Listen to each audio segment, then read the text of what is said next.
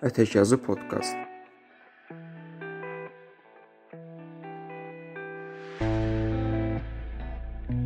Haşiyə rəvayəti və Mənufarsi kampaniyası Saray Məhəmməd Rzainin Ətəkyazıya yazdığı məqalənin ünvanıdır. Mən Lətif İsmailov.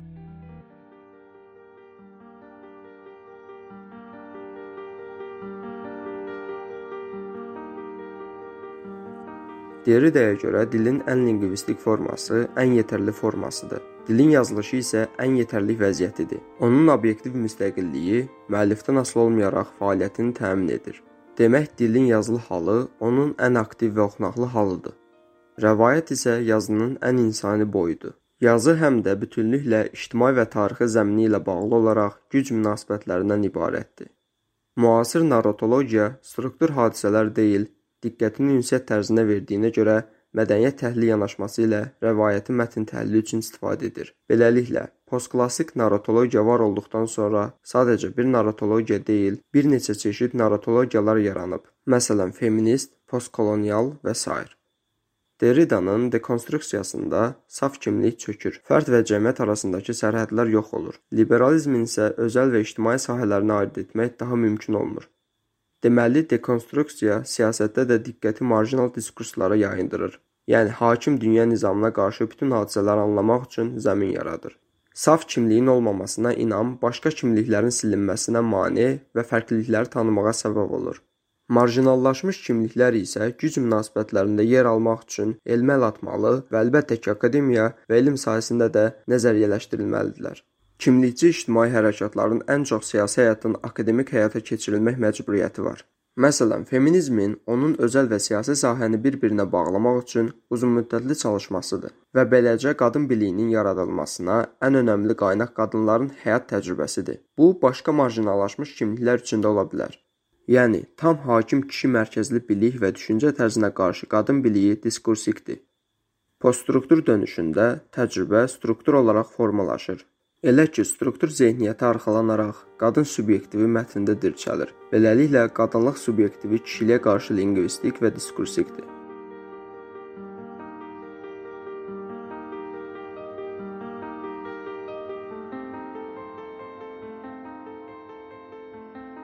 Belə ki, fərqli rəvayət sistemindən danışmaq olar. Eyni halda marjinallaşmış başqa kimliklər də mərkəzi rəvayət söyləntisinə qarşı durmada və haşiyə subyektivi dirçəltmək üçün rəvayət mətnlərə sığınmalıdırlar. Kəsişmə ya intersectional nəzəriyyəsi əsasında bu marjinal kimliklər fərqliliklərini bəlləndirərək öz narratologiyalarını da yarada bilərlər. Kimlikçi ictimai hərəkatlarda Me Too kampaniyası da tam rəvayət əsasında haşiyələnmiş subyektlərin söyləşmələrini diqqət mərkəzinə alıb qadın hərəkatını daha da yeyinləşdirdi. Eyni təcrübə Menoforsi kampaniyasında haşiləşdirilmiş etnikləri rəvai empatisi ilə səfərbər etdi. Geniş bir səviyyədə postkolonial tədqiqlər Qərb və Şərq dünyasının iyerarxik vəziyyəti haqqdadır. Ancaq İran kimi multietnik bir ölkədə bu iyerarxik vəziyyət qalib etnik mərkəzçiliyi ilə daxili koloniya əsasında ola bilər. Beləcə postkolonial narratologiya Menoforsi kimi kampaniyalarda doğrula bilər. Rəvayət güc sahiblərinin şəxsiyyət formalaşdırmaq üçün əlindəki alətdirsə, azlıq qrupları üçün də özlərini ifadə etmək üçün istifadə edə biləcəkləri ən önəmli şeydir. Postkolonial narratologiya söyləmək gücü alınan insanı dilləndirib gücləndirmək üçün çalışır.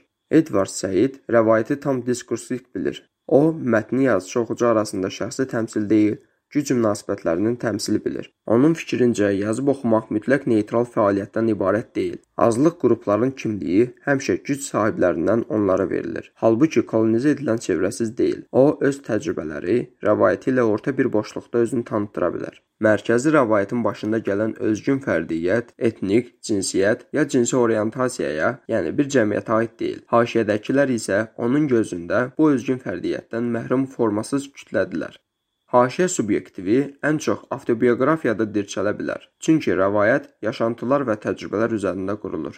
Üstün avtobioqrafiyadan gözləntimiz birinci şəxsin həyatını hermenevtik şəkildə yenidən qurmasıdır. Yığcam, uzun, iyerarxik, bütöv avtobioqrafiya formu haşiyə rəvayətində dağınıq, paralel və müəyyən dövrlərə vurğulu şəkildə çevrilir. Mövzu isə gündəlik fərdi sahədə ictimai sahələri qabartmaqdır. Avtobioqrafiya öz sahiblilik əsasında kişi eqosu üzərində formalaşıb. Əlbəttə, bu eqo hər zaman öz rəvayətini edə bilər.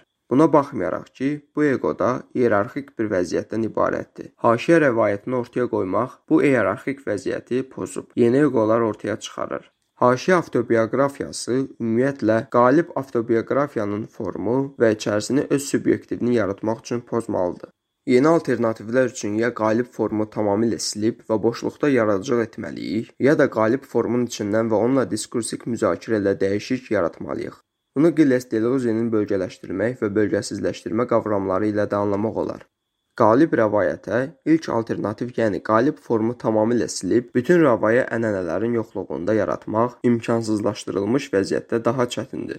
Eyni halda qarşıdurmalar, iti və razı salmaq qabiliyyəti də az olacaq. Halbuki qalib formu içdən müzakirə ilə dəyişmək və onu özününkü etmək, yəni qalib rəvayəti elə müdafiəsizləşdirirsən ki, özü əsas imkanlarını haşiyə rəvayət formunun yaranmasına zəmin edib və haşiyə subyektivini və bölgəsini yaratsın.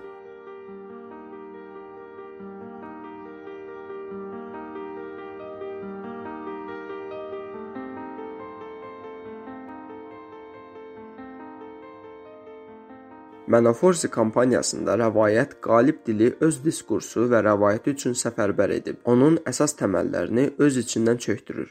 Rəvayətlər avtobioqrafiya kimi ancaq qısa, özəl təcrübəni qabardıb və başqa rəvayətlərlə bir addımla qalib rəvayəti həyat təcrübələrinin birləşimi ilə hədələyirdilər. Feminist narratologiyada araya girən rəvayətçi nəzəriyyə başqa haşiyə rəvayətlərində də önəmli ola bilər. Necə ki, Menoforsi kampaniyasında rəvayətçilər qalib rəvayətin formu, dili və içərisini fərdi və ani yaradıcılıqları ilə cəmi bir hərəkata çevirib onun əsas diskursunu pozurlar. Bu kampaniyadakı rəvayətlər sadəcə yaşantıları oxucuya transfer etmirlər. Eyni zamanda cəmi bir hədəf üçün o yaşantıları rəvayətlərində yenidən yaradıb möhkəmləndirmək üçün çalışırlar. Postkolonial narratologiyasında haşiyədəki fərqliliyinə görə mərkəzin dik baxışların önündə utanc hissini yaşayır. Ancaq əzilməmək üçün bu baxışları qayıdıb mərkəzin üzünə dik baxmaqla cavablamalıdır. Yəni o utancı mərkəzi geri qaytarmaqla haşiyə subyektivini yaratmalıdır.